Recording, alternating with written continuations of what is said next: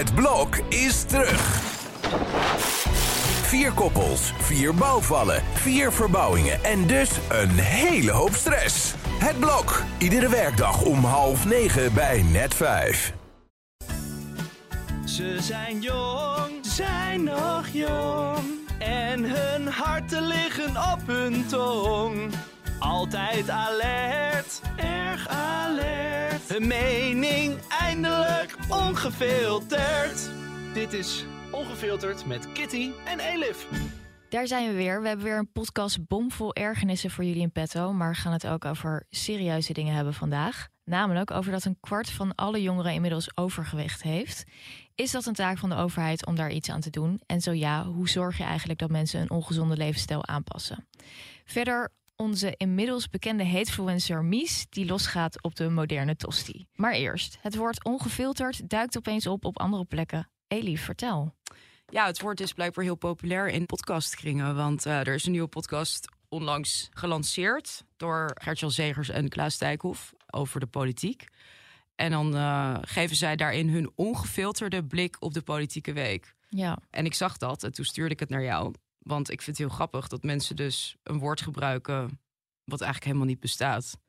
En wat alleen bestaat in de context van de titel van onze podcast en uh, bier. Daar, daar kan het wel ongefilterd bier Ja. is wel iets. Maar in de, op de manier waarop wij het gebruiken, waarop zij het gebruiken, is het niet een echt woord. Ja, want toen wij eh, de titel van onze podcast bedachten, toen was het dus van ongefilterd is niet echt een woord. En ik heb nog gezocht van is dat een woord? En toen was het, toen, toen twijfelden we daarover om het te gebruiken. Maar toen dachten we, oké, fuck it. Het is gewoon een nieuw woord. Maar het is dus wel grappig dat het wordt overgenomen. Het is ook echt een nieuw woord. ja. Een ongefilterde blik. Nou, ze hebben uiteindelijk, jij had er een brand over gedaan op Twitter. Toen was het opeens verdwenen. Toen was het opeens verdwenen in de tagline. En ik zag het ook opduiken in onze eigen krant. Namelijk bij de verhalenserie van Mick van Wely over eh, district Zuid in Den Haag. Behoort tot de meest criminele gebieden van Nederland. Daar kom ik vandaan trouwens.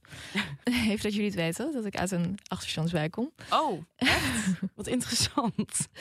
Er wordt hier geschreven: De Telegraaf volgde de reche- recherche om een ongefilterd beeld te krijgen van de criminaliteit en de worsteling van de politie met capaciteit.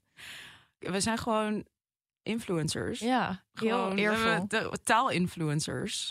Ja, ik, eh, ik wacht, wacht op de dag dat eh, we de vandalen halen.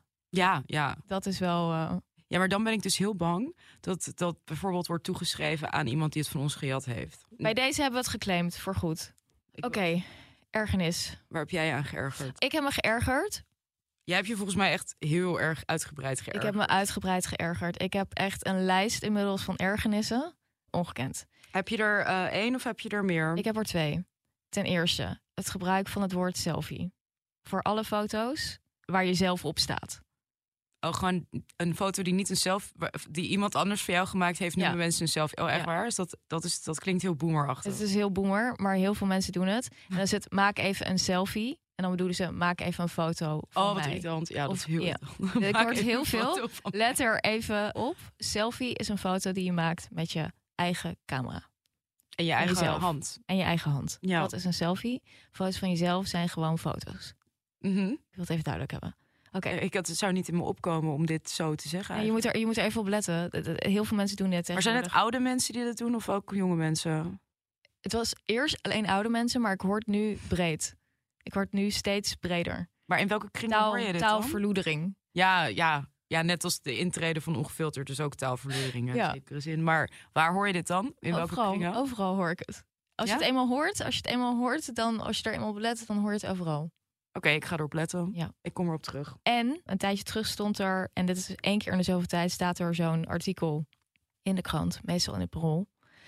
En dat gaat over de verheerlijking van de Jordaan. Sander Schimmelpenninck had daar een heel grappige tweet over, waar ik op aansloeg. En dat was namelijk dat hij zei... Weinig vermoeiender dan de folkloristische romantisering van Jordanezen. En daar ben ik het echt helemaal mee eens. Je moet even dat artikel lezen. Het gaat alleen maar over hoe super kut het eigenlijk was in de Jordaan. Mhm. En echt ellende, kleine huizen, geen verwarming, waardoor je bijna je benen bevroren. En dan zei je vader gewoon tegen je: Je moet gewoon doen alsof je benen er niet zijn. Het klinkt echt, heel veel dingen klinken ook van ja, mijn moeder was nooit thuis, maar ik werd opgevangen door de buurt. Klinkt gewoon als verwaarlozing en kindermishandeling. En er is zo- zo'n extreme verheerlijking van hoe dat was. Nou, ik woon zelf in de Jordaan. En eh, de Die achterzon hebben deze mensen allemaal verdreven naar Almere en dat. naar Urk. Dus dat is en naar helemaal. Dat is zo. Dat is ook zo'n ding van. Oh ja, verdreven. Dan denk ik, oké, maar je hebt ook wel gewoon de keuze. Je had kunnen blijven, maar je wilde per se een tuin in Purmerend. Prima, helemaal terecht. Maar niet de hele tijd nog 30 jaar blijven afschuiven dat het allemaal onze schuld is of wat dan ook. Ja, toch? Ik vind het een heel verrassend standpunt. Ik had het niet achter jou gezocht. Nee, ik vind de Jordanezen, ik vind, ik vind echt, het is een soort verheerlijking. Terwijl het best wel vaak, als je gewoon die portretten leest en ook die mensen in mijn buurt en zo, die dan nog daar wonen, die zijn zo zuur. Ik snap echt, ja goed, je hele buurt is overgenomen door juppen, maar buurten veranderen nou eenmaal. Dat is niet anders. En die verheerlijking daarvan, ik zou nooit, nooit een stuk gepubliceerd krijgen over de achterbuurt waar ik vandaan kom, district Zuid, over hoe fantastisch het was. Dat gewoon, eh, weet ik veel, kinderen de hele dag op straat werden gelaten en dat er niet naar werd omgekeken en eh, dat iemand vlektyfus had, maar dat het romantisch was. Dat iemand wat had? Wat is dat? Wacht, ik wil heel even een fragment laten horen. Eh, ik had het hierover met Stefan de Koning. Die kon dit heel grappig nadoen. Ja, vroeger in de Jordaan had je nog, eh, bij tijd en Weil had je dan vlektyfus. Kijk, dat was geen pretje, maar er, was toch wel enige romantiek. Nu, de, de, de HIV, dat is alleen maar, dat is heel klinisch, dat is eng. Dat is niet, niet die, die romantische oude ziektes. Dat is dus wel een beetje perfecte samenvatting van die verheerlijking. Die je alleen hebt bij de Jordaan. Echt alleen bij de Jordaan. Alleen bij de Jordaan wordt het op deze manier verheerlijkt. En dan is het inderdaad allemaal in van die stukken van... Tegenwoordig hebben kinderen eh, Nikes aan en wij hadden gaten in onze kleren. En dan denk ik, ja, maar het is niet normaal om met gaten in je kleren rond te lopen. Dat is heel goed dat mensen tegenwoordig meer geld hebben voor kleding. Oh my god, je bent echt heel erg hooghartig. Hoezo? Nou, ik weet niet. Ik had, ik had van jou iets meer sympathie verwacht voor. nee, maar ik, de- snap die verheerlijking van armoede niet. Juist omdat ik zelf uit- ook uit een achterbuurt kom. Waarom zou je dat in godsnaam gaan zitten verheerlijken? Dat is gewoon kut. Dat, Ja. dat is gewoon overdreven. Eh, ja. En dat- dat gewoon oneindeloos zo wordt verheerlijkt. En dat we daaraan meedoen van, oh, nou, vroeger had je nog echt dit en zus en zo. En alle cafés, alle, alle Jordaanese cafés, ja, goed. Daar staan een paar zure mensen daar achter de bar die er nog over zijn. En het is gewoon alleen maar een soort van valse nostalgie. En alleen maar zo in dat verleden blijven hangen. Ja, ik vind dat echt, ik heb daar echt helemaal niks mee. Maar jij vindt niet dat dit soort eh, buurten of plekken een soort van beschermd moeten worden? Of zeg maar, eh, ja, een soort van cultureel erfgoedachtige status hebben. Dat niet alles hetzelfde wordt en gegentrified wordt en zo. Nou, ik vind wel dat je een soort van bescherming moet doen. Maar ik vind niet dat je, als je zelf verhuisd bent naar Purmerend, dat je nog recht hebt op, op een buurt of zo. Je kunt gewoon eh, klein blijven wonen. Maar dat wil je op een gegeven moment niet meer. Die mensen hebben daar afscheid van genomen. Maar ik snap dan niet waarom dat. Ja, verdreven. Ja, je wordt verdreven natuurlijk door de huizenprijzen die omhoog gaan. Ja, dat is wel zo. Maar je hebt ook nog steeds bijvoorbeeld sociale huur. Ik vind wel dat er meer moet geïnvesteerd worden in sociale huur. En dat niet alles inderdaad helemaal voor jup moet worden. Maar Mhm. ja, die, die valse nostalgie, dat vind ik echt heel, heel kitscherig en irritant worden. Ja. Wat, waar, waar heb jij je aan geërgerd? Ja, ik, ik voel me nu een beetje. Ik heb niet een hele erge ergernis. En zeker niet zo'n uitgebreide ergernis. Ik heb me heel erg gestoord aan een collega. Ik ga de naam niet noemen. Maar die draagt altijd hakken die echt superveel geluid maken.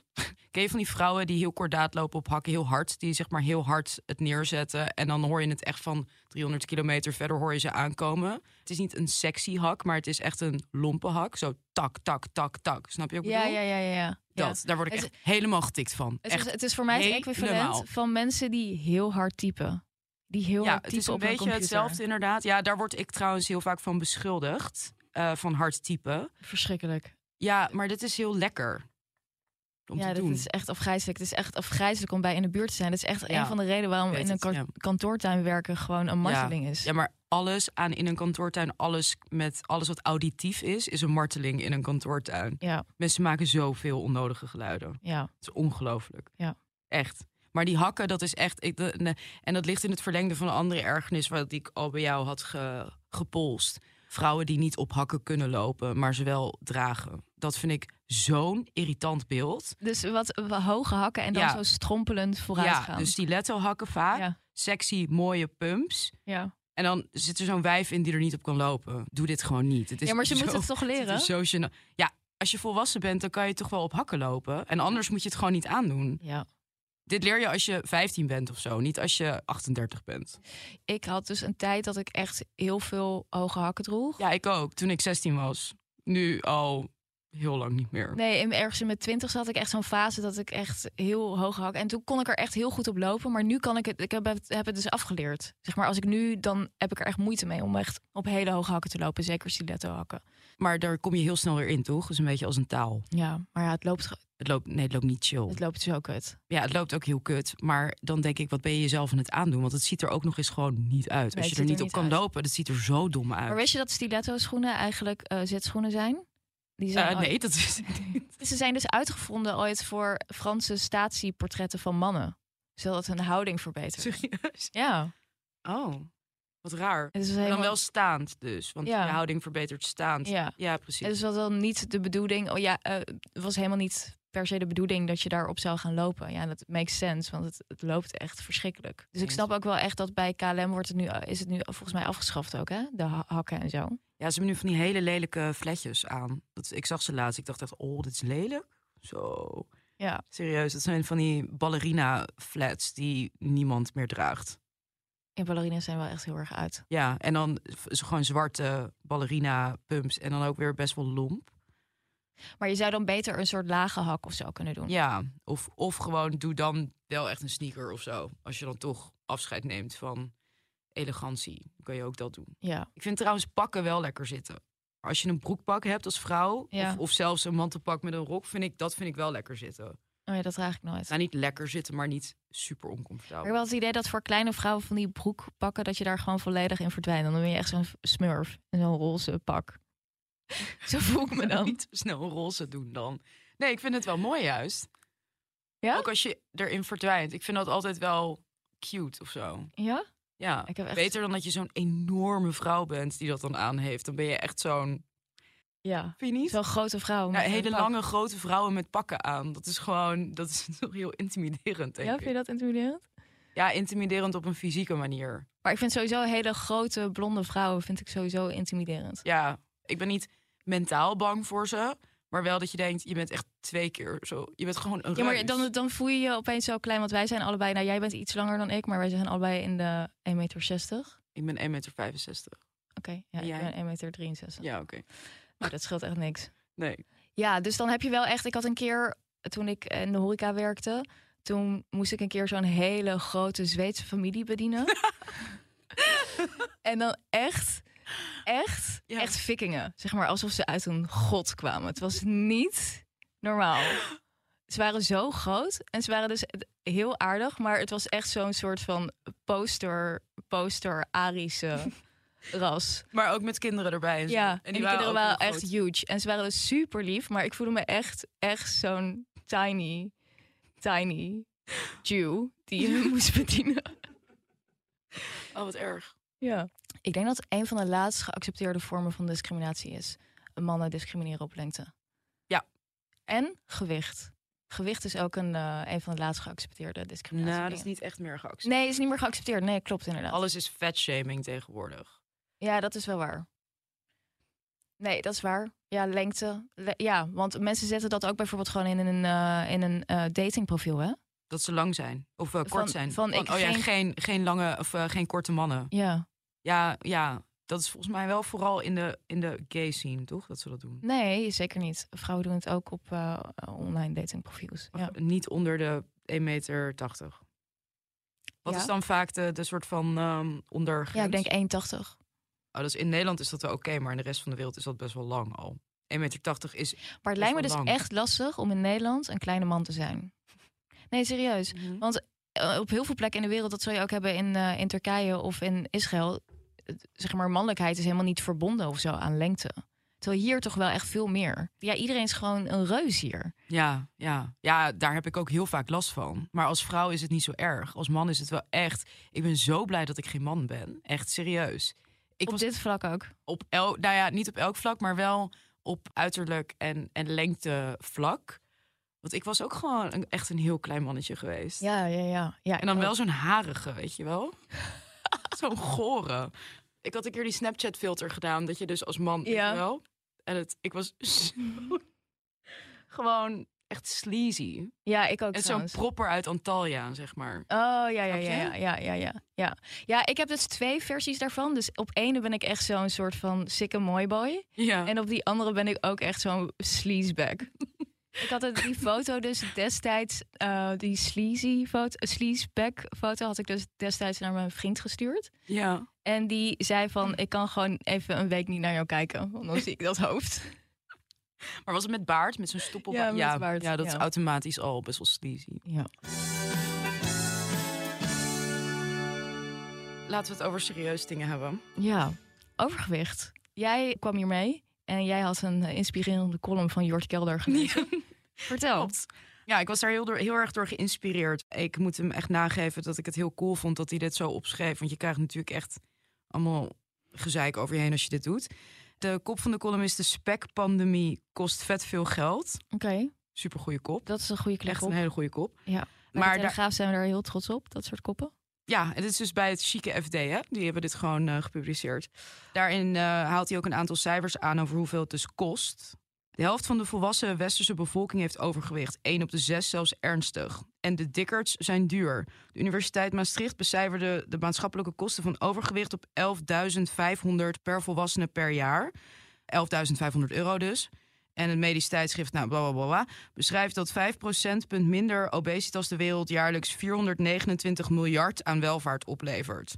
Nou, en dan heeft hij het over die eh, afvalpillen die nu eh, worden geïntroduceerd op de markt, weet je wel, die in Amerika dus ook is dat al... die diabetes eh Ja, shots, dat ja. Ozempic of zo? Ja, dat dus door de FDA al is goedgekeurd als afslankmiddel. Ja. En wat volgens mij in Europa ook gebeurt binnenkort. In die column schrijft hij dat het eh vetshaming is op het moment dat je voorstelt om je zorgpremie te verhogen als je overgewicht hebt. Ja, maar daar, daar ben ik wel echt heel erg tegen. Er zit toch iets te veel lust om dikkerd echt heel, het heel erg het leven zuur te maken. Terwijl als ik dikke ja, mensen mensen... gaan er wel lekker op. hè? ja, dat vind ik echt een beetje dat? naar. Is dat sadisme? Ja, ik denk echt sadisme en ook wel... Ja, er zit gewoon iets heel naars, vind ik, in die houding. Terwijl, Beetje bestraffend of zo. Ja. Ja, een soort van, ja, maar ik eet elke dag broccoli, waarom jij niet? Ja, ik, ik heb zelf denk ik ook gewoon veel medelijden met dikke mensen. Als ik bijvoorbeeld, dus ik woon in de buurt van de middelbare school. Ja, laatst zag ik dus zo'n dikke jongen, jonge jongen ook. Dus nog een tiener echt. En dan bij zo'n groepje eh, kinderen en de meeste waren slank. En dan zit er één zo'n hele dikke jongen bij. Ik heb de- dat, dat breekt me echt mijn hart. Ik vind dat echt zielig dat zo'n jongen zo dik is. En ik vind dan op zo'n bestraffende manier praten, terwijl er vaak heel veel ander soort problemen aan ten grondslag liggen. Emotionele problemen of psychische problemen of problemen thuis of ouders die niet goed voor hun kinderen eigenlijk kunnen zorgen. Het is natuurlijk eh, ook een soort verwaarlozing, denk ik, om eh, je kinderen niet goed genoeg eten te geven. Of niet op de hoogte zijn wat goed genoeg eten is. Ehm, dus ik weet niet, ik heb daar altijd heel veel moeite mee dat daar zo'n verlekkerd iets in zit. Om dikke mensen zo. Ja, die moeten maar lekker doodgaan tijdens de COVID-pandemie. Waarom zouden we dikke mensen redden? Ik vind dat echt Nou ja, dat, heel dat- naar. ja, bij die COVID-pandemie was natuurlijk, eh, dat vond ik toen wel opvallend. Want het was natuurlijk zo dat dikke mensen veel meer last ervan hadden. En toen dat een beetje bekend werd, toen was dat wel. Weet je nog dat je die, die D66-senator had, die ook in een eh, ziekenhuis werkt? Die toen per ongeluk bij Jinek zei van. eh, er liggen vooral mensen met extreem overgewicht op de IC. En dat, dat was de eerste keer dat dat werd benoemd. En daar sloeg iedereen toen heel erg op aan. En hij was een soort van arts die niet doorhad dat die, dat, dat gevoelig was wat hij zei. Oh ja. Dat werd toen ook een heel vetshaming-achtig ding. Terwijl ik dacht Ja. van, ja, maar dat is wel een feit. Het is, dat is een feit. Van, je hoeft, daar zit verder niet een moralisme aan of zo. Oké, als je dik bent, net als wanneer je eh, astma hebt... is gewoon een risicofactor Ja. voor dingen met longen. Je denkt, ja, dat is zo. ja, en dan moet je natuurlijk ook gewoon kunnen benoemen. Ja, Ja, maar net als dat, dat je dus ook moet kunnen benoemen... van als je echt extreem overgewicht hebt... dat dat wel echt heel ongezond is voor je lichaam. ja. Dus er zijn mensen die dat ontkennen. Die ontkennen dat dat ongezond is. Ja, want dat heb je natuurlijk in dat, dat anti-fat-shaming en in de mode, deels in de modewereld, dat je nu heel veel, of nou heel veel, je hebt een paar van die echt dikke modellen. En dan is dan Ja, van, ja, maar ook mijn, echt dik. ja, mijn lijf is wel gezond. Ja, ik weet niet. Aan de andere kant denk ik, ja, er zijn ook heel veel slanke mensen die ook ongezond zijn. En Ja, dat is- dat er niet aan. Ja, dat is waar. Alleen als je rookt, dan ga je niet zeggen... nee, maar roken is wel gezond. Snap je? Ja, precies. Een beetje hetzelfde. Ja, ja. Ja. Je je kan wel gewoon erkennen... je kan wel zeggen van... oké, ik vind dik, dikheid mooi. Of ik ben een dik model. Maar om dan ook soort van te ontkennen dat dat ongezond is. Dat daarvan, ja, ik weet niet. Ik vind dat, dat vind ik best wel raar. Dat dat Ja, maar sommige mensen mogen er ook echt voor kiezen. Daar ben ik wel voor om niet gezond te zijn.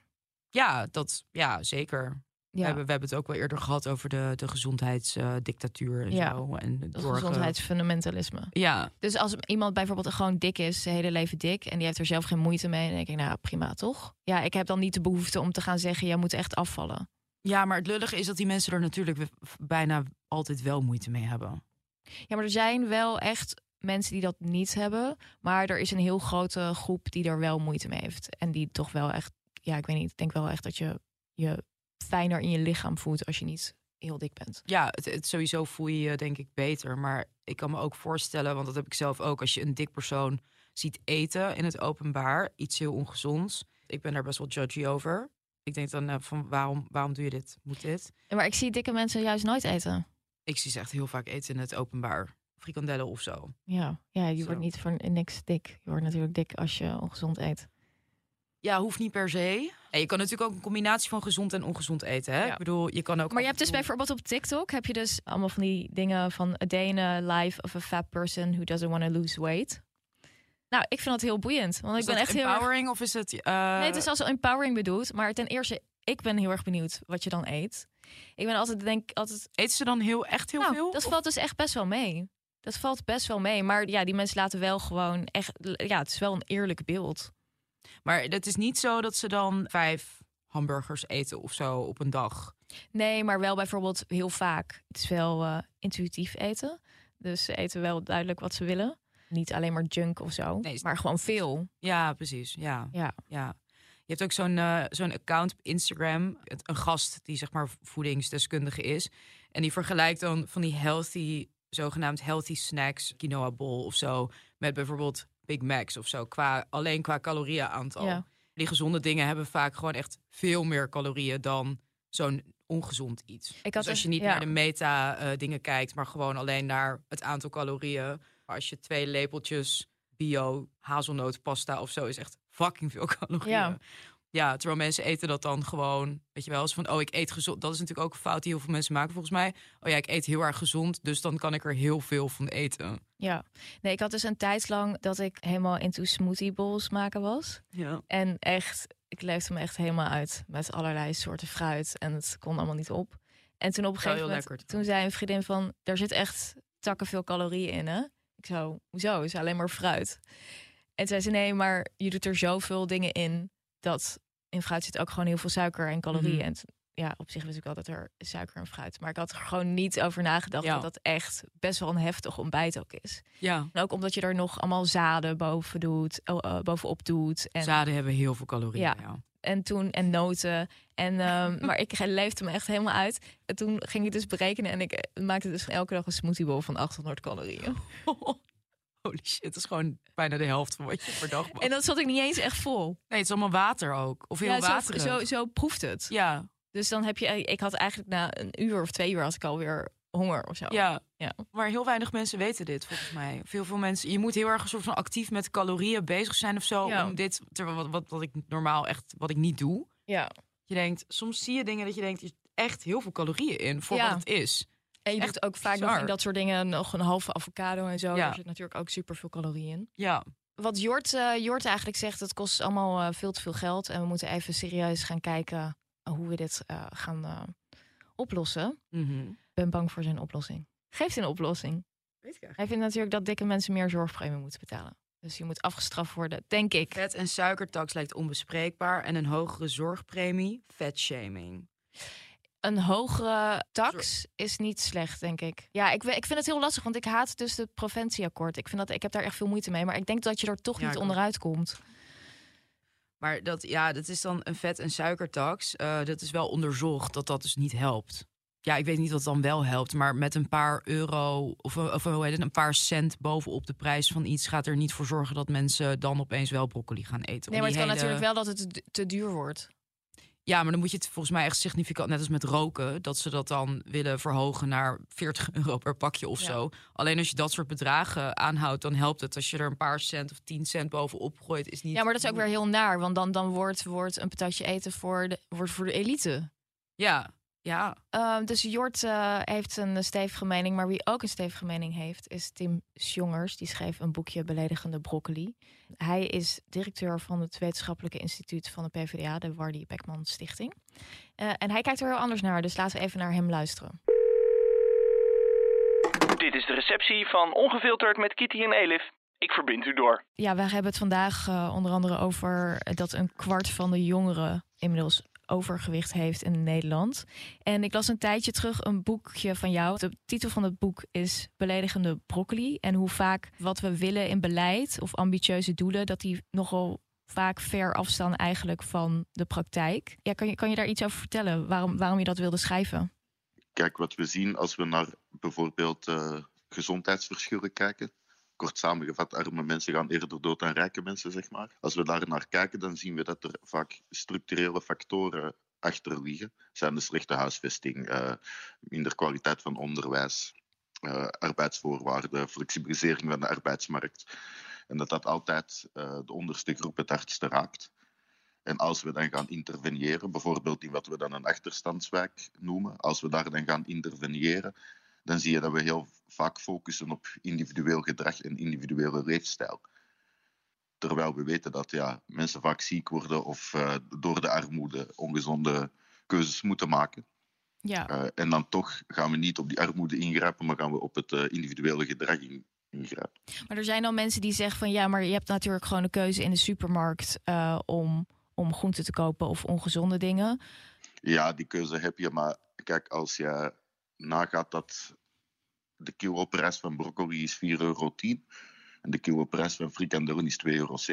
Ja, Ja, als je iedere, iedere euro moet omdraaien alvorens je hem uitgeeft, ja, dan is die keuze snel gemaakt. En dan is die goedkope keuze op korte termijn de meest rationele keuze. Op lange termijn, hè, want gezondheid is per definitie lange termijn planning, Ja. is dat ja, niet zo'n rationele keuze. En wat je eigenlijk zegt is, als je in armoede leeft, dan heb je eigenlijk niet de luxe om met lange termijn planning bezig te zijn. Nee, dat denk ik niet. hè. Dat lijkt me evident. Kijk, dat, dan wordt elke dag overleven. Ja, En dan ga je gewoon, eh, ja, dan ga je gewoon de keuzes maken die, die, die je kan maken. En dat zijn dan vaak de keuzes eh, met weinig geld. En dan kom je toch vaak bij de meest ongezonde producten uit. en eh, als je nu kijkt naar dat probleem van een kwart van de jongeren die dan overgewicht heeft, hoe kan de overheid dan wel, of is het überhaupt de taak van de overheid om daar iets tegen te doen? En als dat wel zo is, wat kunnen ze dan wel doen? Concreet. Kijk, als de, uiteindelijk, er zijn wel tekenen die erop wijzen dat de, dat de zorg onhoudbaar wordt. En financieel, eh, het is nu al een begroting van meer dan 100 miljard. Wat we zien is dat er relatief weinig van die begroting naar preventie gaat. Dus ook daar zou je kunnen zeggen, als de overheid op lange termijn durft te denken, ja, dan gaat ze vooral investeren in preventie. En dat is en-en. En dan is het in- inderdaad eh, individueel gedrag, maar dan is het ook structurele factoren en zorgen voor een gezonde voedselomgeving.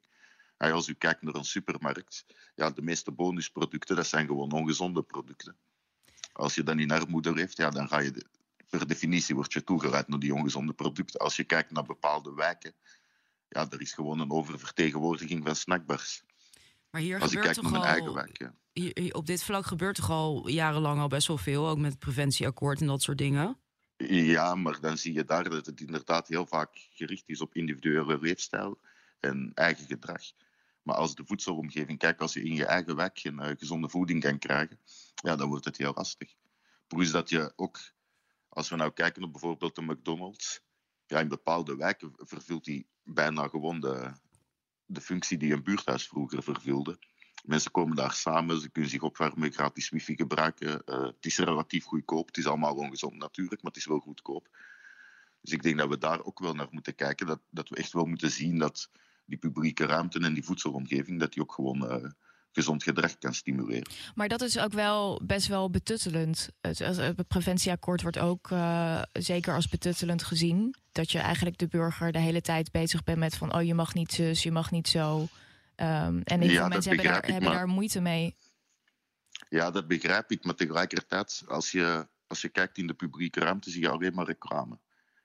Dus ja, dat is ook betuttelend, maar dan op een heel andere manier. Maar ons gedrag wordt per definitie altijd gestuurd.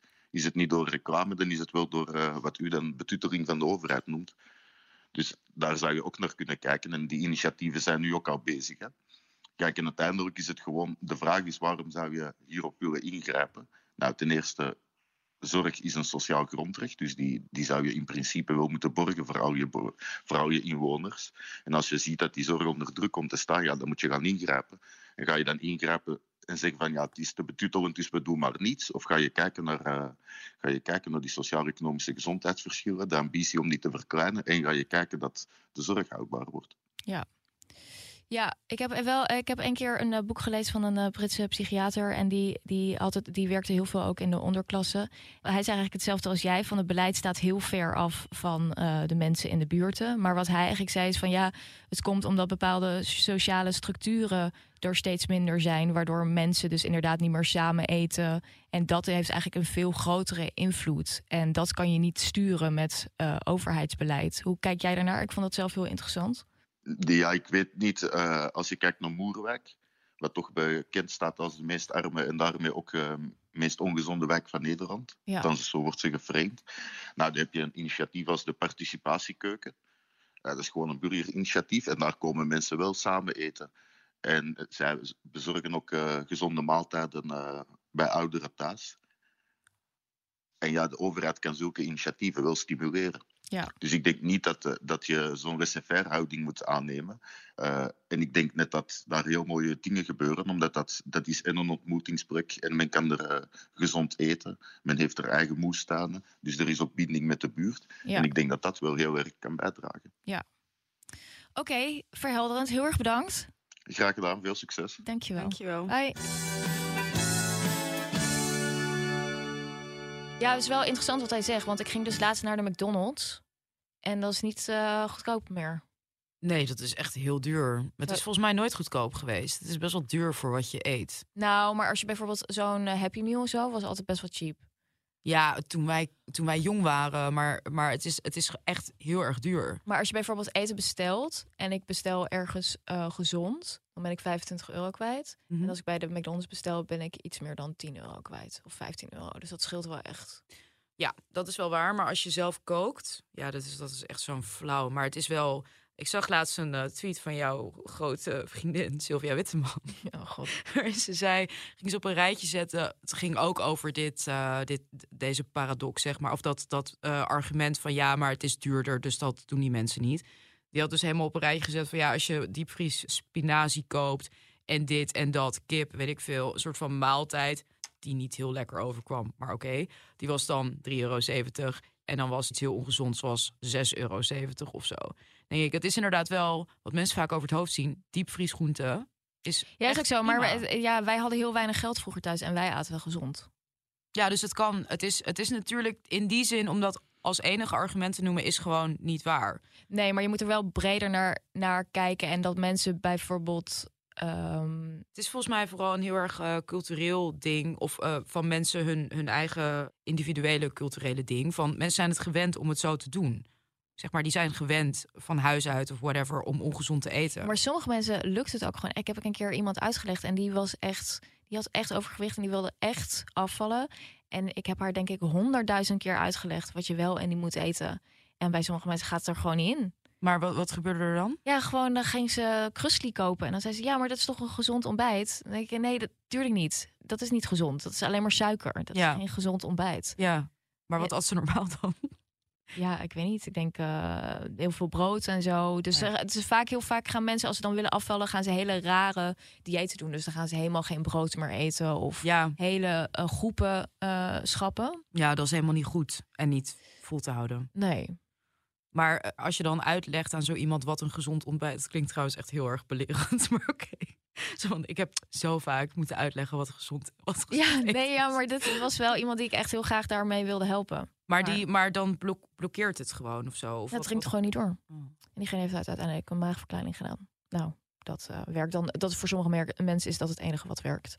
Ja, Het is super ingrijpend wel. Het is echt Ja. heel heftig. ja. Je, je zit ook de rest van je leven, Ja. moet je daar rekening mee houden. Ja, de rest van je leven kan je ook niet meer normaal eten. Ja, Dan moet je hele kleine porties eh, heel Ja. vaak, toch? Ja, en dan moet je dus ook nog eens een keer heel erg. Dan moet je dus heel voedzaam gaan eten. Want eh, alles wat je binnenkrijgt moet eigenlijk voedzaam zijn, omdat je zo weinig kunt binnenkrijgen.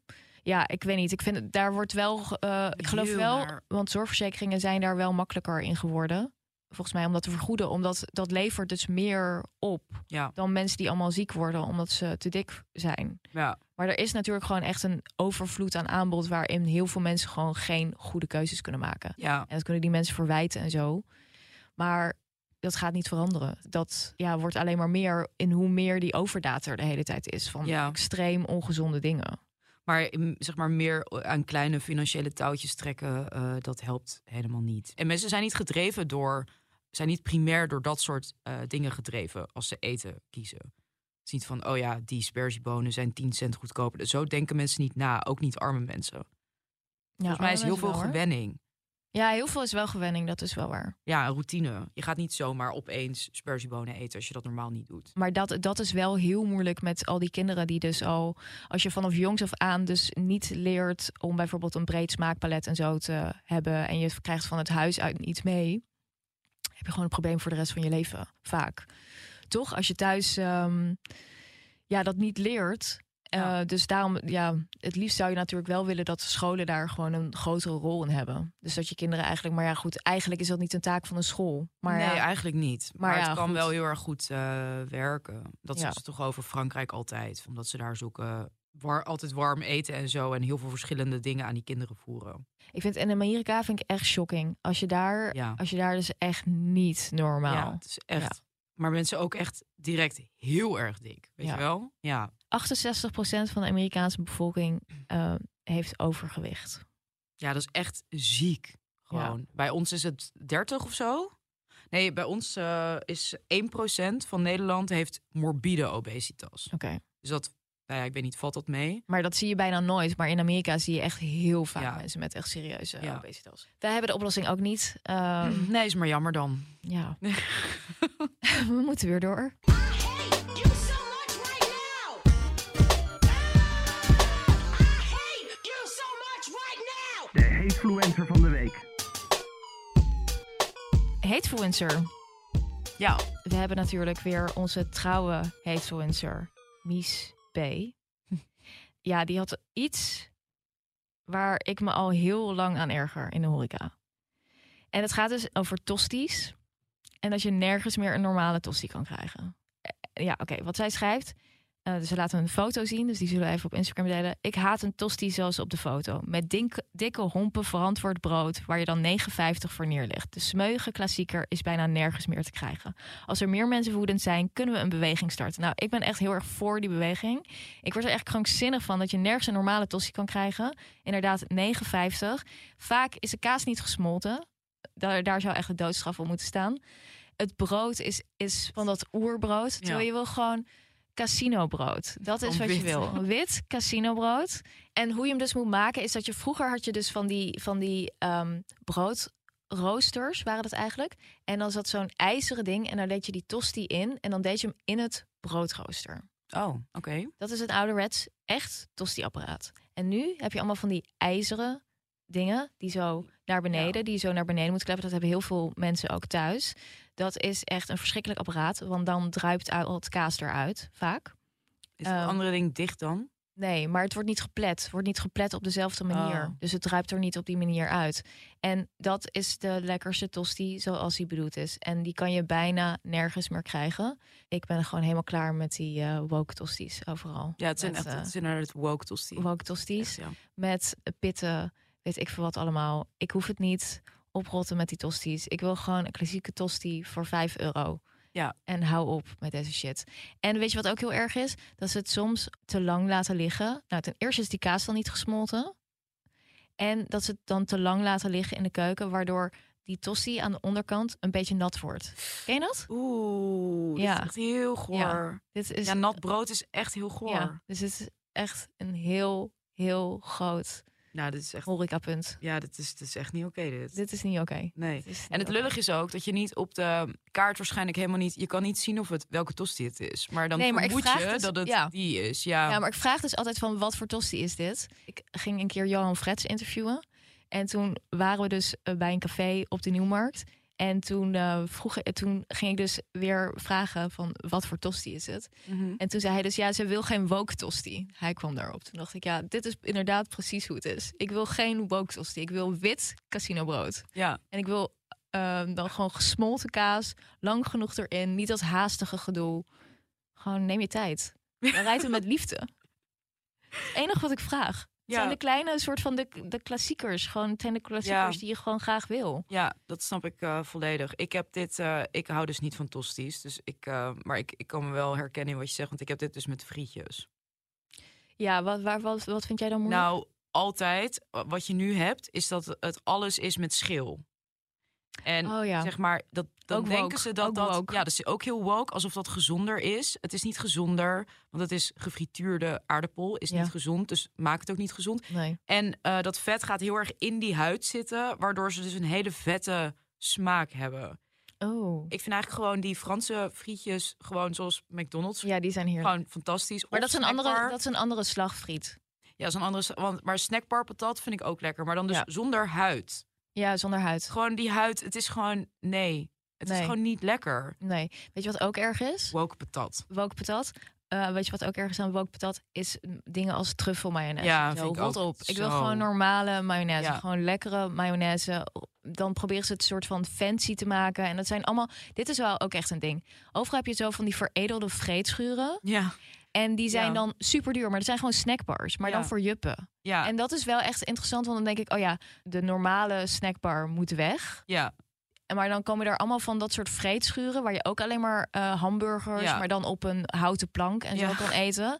Voor drie keer de prijs. Ja. Helemaal niet zo lekker. En dan krijg je van die Nee, friet. die zijn niet zo lekker, hè? Vind ik ook niet. Nee. Het is echt niet zo En ik, lekker. ik voel me gewoon vies daarna. Ik voel me dan liever vies na zo heel McDonald's. groot is het altijd. Veel groter dan als je bij een snackbar iets koopt. Ja. Ja, en dan krijg je dus van die, van die patat. En dan met truffelmayonaise en geraspte kaas, geparmezaan. Dan denk ik, uh, Ja, het, wie wil dit? joh, niemand, nee, niemand wil heeft dit. hier omgevraagd. Echt Nee. niemand. Nee, nee, het is echt af, afgrijzelijk. Ik had laatst dus, was ik met een vriendin die woont in Engeland. eh, we zaten bij een café, toen hadden we dus dat besteld als borrelhapje. Het zat er dus ook van die truffelmayonaise bij. En zij, heeft toen, zij vroeg toen aan de bediening van... ja, hebben jullie ook normale mayonaise? En toen zei hij, ja hoor, is goed. En toen kwam dus de eigenaar van die tent verhaal halen... waarom wij zijn fancy mayo niet wilden. En zij had echt zoiets van, eh, wat is dit voor shit? Zij woont al heel lang in Engeland. Ze had zoiets van, ik ben hier, ik wil gewoon normale mayonaise. En die man was echt beledigd. Oh my van- god. Ja, wie van jullie heeft iets tegen mijn fancy mayonaise? Dat zei hij ook. Hij zei dit niet ironisch? Na half. Oké, Maar het was wel gemeend, want hij kwam echt, hij kwam echt toelichting vragen hierop. oké, dat vind ik wel heel dacht ik- apart. Luister naar ongefilterd met Kitty en Nip. We moeten eigenlijk een, eh, een, een kaartje hebben, zodat we dat kunnen uitdelen. Ja, ja, ja, goeie. Ja. Laten we dat regelen. Nou, het was weer, het eh, lucht weer echt ontzettend op. Ja, het was weer eh, therapeutisch en Ja. enerverend. Ja. Oké. Ehm, tot snel. Ja, bye. Bye.